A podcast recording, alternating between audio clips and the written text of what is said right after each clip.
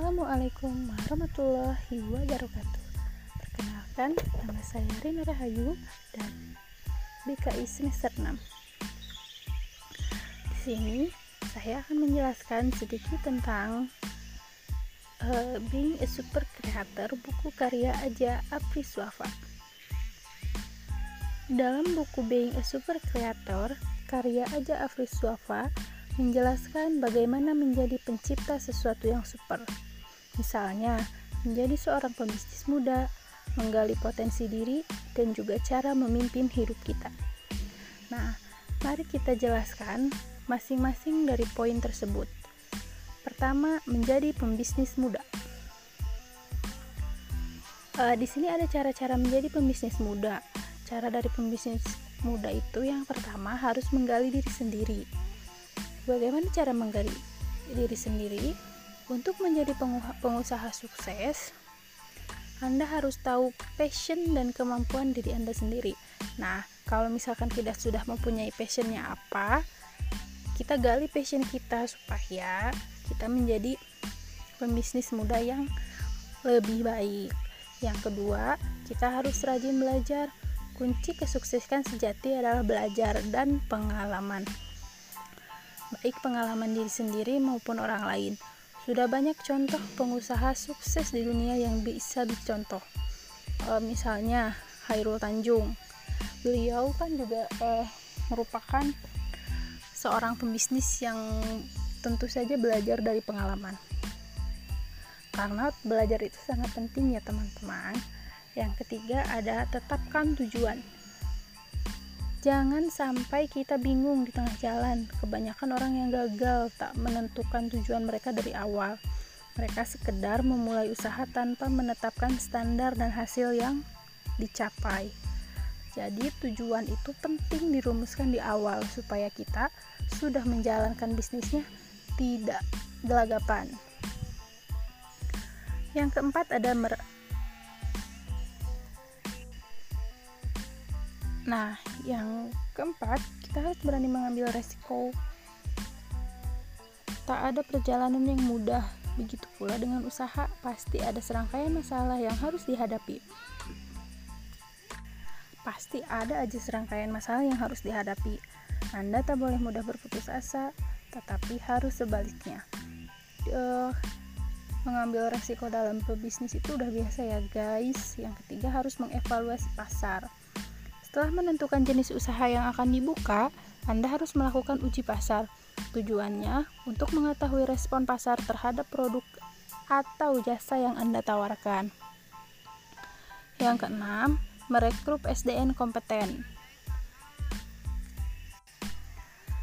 Biar usaha Anda menjadi maksimal, rekrutlah beberapa tenaga kerja yang memang berkompeten.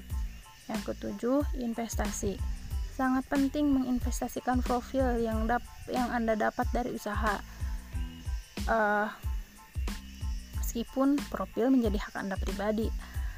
Uh, kalian bisa menerapkannya ya guys untuk poin yang pertama itu yaitu untuk menjadi pembisnis muda dengan cara mengenali diri sendiri belajar tetapkan tujuan berani mengambil resiko evaluasi pasar merekrut SDM kompeten dan investasi Nah, yang kedua ada mengenal potensi diri. Uh, kalau mau menjadi pembisnis, kita harus mengenal potensi diri. Ayo, ada yang tahu nggak apa itu potensi diri? Mari kita jelaskan ya. Potensi diri merupakan kemampuan atau kekuatan diri seseorang, baik yang belum terwujud maupun yang telah terwujud. Akan tetapi, belum sepenuhnya terlihat atau dipergunakan secara maksimal oleh seseorang ada definisi sederhana yaitu kemampuan dan kapasitas individu yang masih tersimpan dalam diri. Dengan kata lain masih mengendap dan belum diaktualisasikan melalui perilaku perbuatan dan aksi. Jadi kita harus menggali potensi diri, kita nih. Barangkali ada bakat terpendam kan? Uh,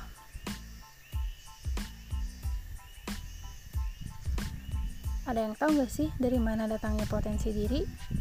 Jawaban yang umum sering diberikan adalah dari bakat dan kerja keras. Sebagian orang berhasil mengembangkan potensinya dengan belajar dan kerja, sebagian yang lain memang berkat dari lahir. Misalnya, mencopet dalam kerumunan diper, diperlukan skill dong, latihan dan pengalaman. Contoh lain, berbicara di depan umum atau di depan layar adalah kemampuan yang tidak dimiliki setiap orang. Sebagian orang memiliki potensi itu, sebagian lainnya tidak. Mereka yang mengasah kemampuan public speaking akan mampu mengaktualisasikan potensi dirinya.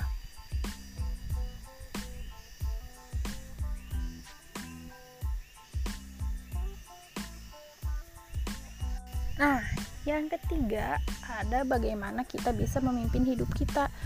Kalau mau menjadi pembisnis, eh, kita harus bisa memimpin hidup kita. Nanti kan kalau misalkan bisnisnya sukses, kita juga harus memimpin bawahan-bawahannya.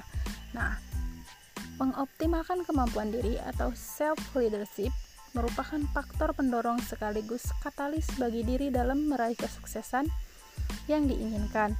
Mengembangkan kepemimpinan dalam diri merupakan modal dalam menemukan kualitas terbaik diri, sehingga kita dapat menjualnya kepada organisasi. Nah, ada beberapa kunci sukses dalam mengembangkan kepemimpinan diri loh. Mari kita simak ya. Yang pertama, memiliki kepercayaan diri yang kuat. Setiap individu pasti dong memiliki mimpi untuk sukses di masa depan. Permasalahan yang muncul adalah seberapa besar kepercayaan diri kita untuk mengelola dan memimpin diri kita sendiri. Kita sering kali tidak menyadari bahwa kita adalah CEO dari me atau CEO dari diri kita sendiri.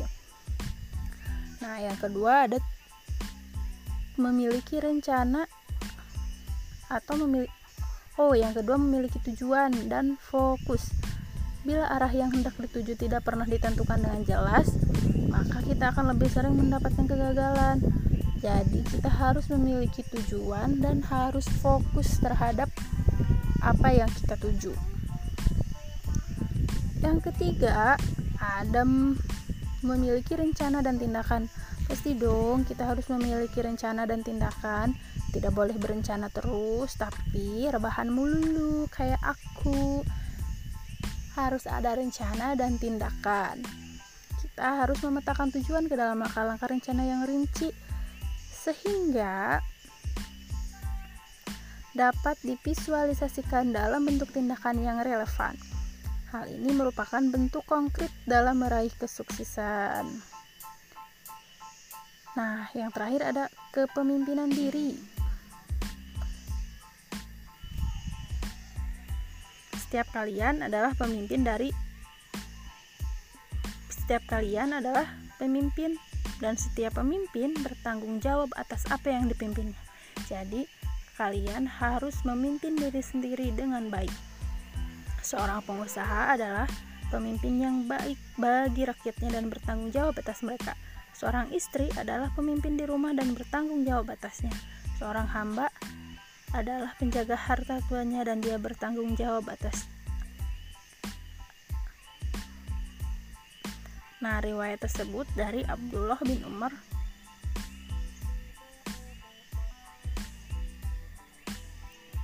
Rasulullah Shallallahu Alaihi Wasallam. Carol Kenner dalam bukunya Leadership in a Week mengungkapkan bahwa pemahaman diri bagi seorang pemimpin bisa dijadikan dasar untuk memperbaiki kinerja maupun untuk meningkatkan kepercayaan diri dan pemahamannya terhadap orang lain. Jadi, penting bagi seorang pemimpin untuk mendedikasikan waktunya tidak hanya untuk memahami orang lain, tetapi terlebih dahulu adalah untuk memahami diri sendiri. Apa nilai-nilai yang dianutnya? Misalnya, kejujuran, kerjasama, tanggung jawab. Apa kelemahan dan kelebihannya? Apa minatnya? Apa tujuannya dalam hidup? Dan apa yang diperjuangkan? Misalnya saja Bill Gates. Tahu dong Bill Gates? Ya, sang maharaja bisnis dari Microsoft. Bill Gates sadar bahwa ia memang mempunyai banyak pengalaman dan minat yang tinggi di sisi teknis, tetapi masih kurang berpengalaman di sisi bisnis. Untuk itu, beliau mengangkat orang lain untuk mengenai sisi bisnis dari kerajaan bisnisnya. Sementara ia tetap berkonsentrasi pada sisi teknologi yang menjadi minat dan keahlian sejak awal sekian yang dapat saya sampaikan ya guys. Mohon maaf bila ada kesalahan. Bila taufiq wal hidayah wassalamualaikum warahmatullahi wabarakatuh